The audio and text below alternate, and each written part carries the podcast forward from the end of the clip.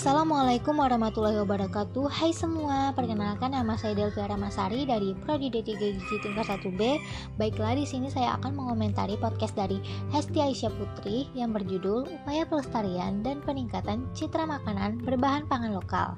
Nah, di sini menurut saya podcast Hesti sudah sangat bagus dan sesuai dengan materi. Cara menyampaikannya sudah bagus dan menarik sehingga dapat dimengerti oleh pendengar. Namun, di sini menurut saya Hesti masih terlihat memikir-mikir apa yang akan disampaikan. Kesimpulan yang dapat saya ambil dari podcast Hesti adalah saat ini hanya sebagian kecil masyarakat Indonesia yang masih mengonsumsi makanan berbahan dasar lokal seperti singkong, ubi, jagung, sagu, dan sebagainya.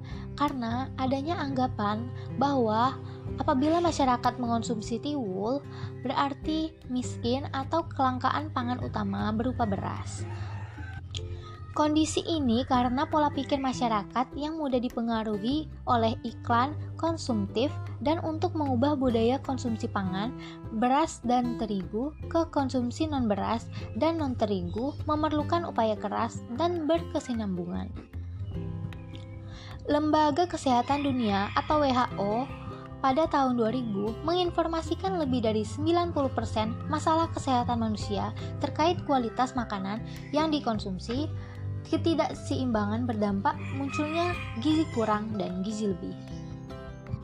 Kebijakan persebaran penganekaragaman konsumsi pangan bertujuan mendorong penganekaragaman pola konsumsi pangan masyarakat yang bersifat lokal agar hidup sehat dan produktif, meningkatkan kesadaran dan pengetahuan masyarakat untuk mengonsumsi pangan yang beragam, berbasis gizi seimbang dan aman. Upaya yang harus dilakukan untuk mengembangkan konsumsi pangan yang beragam adalah yang pertama, memberdayakan kelompok perempuan seperti ibu menyusui, ibu hamil, ibu punya anak balita, dan perempuan pasangan usia subur. Yang kedua yaitu memberikan pengetahuan sejak dini tentang pola makan beragam, bergizi, seimbang, dan aman. Yang ketiga, mengembangkan pemanfaatan pekarangan sebagai sumber penyedia pangan yang beragam, bergizi seimbang, dan aman bagi keluarga.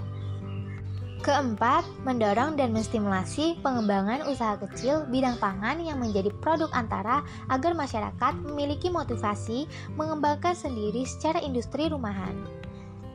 Yang kelima, mendorong keterlibatan perguruan tinggi mengembangkan teknologi guna mendorong pengembangan pangan lokal menjadi produk antara. Dan yang keenam, mendorong keterlibatan media massa, lembaga profesi dalam mensosialisasikan dan mempromosikan berbagai kegiatan percepatan pengembangan konsumsi pangan berdasarkan sumber daya lokal. Baiklah, itu saja komentar, saran, dan kesimpulan yang saya dapat ambil dari podcast Hesti. Apabila ada salah kata, saya mohon maaf kepada Allah, saya mohon ampun. Wabillahi taufiq wal hidayah. Wassalamualaikum warahmatullahi wabarakatuh. See you next time. time.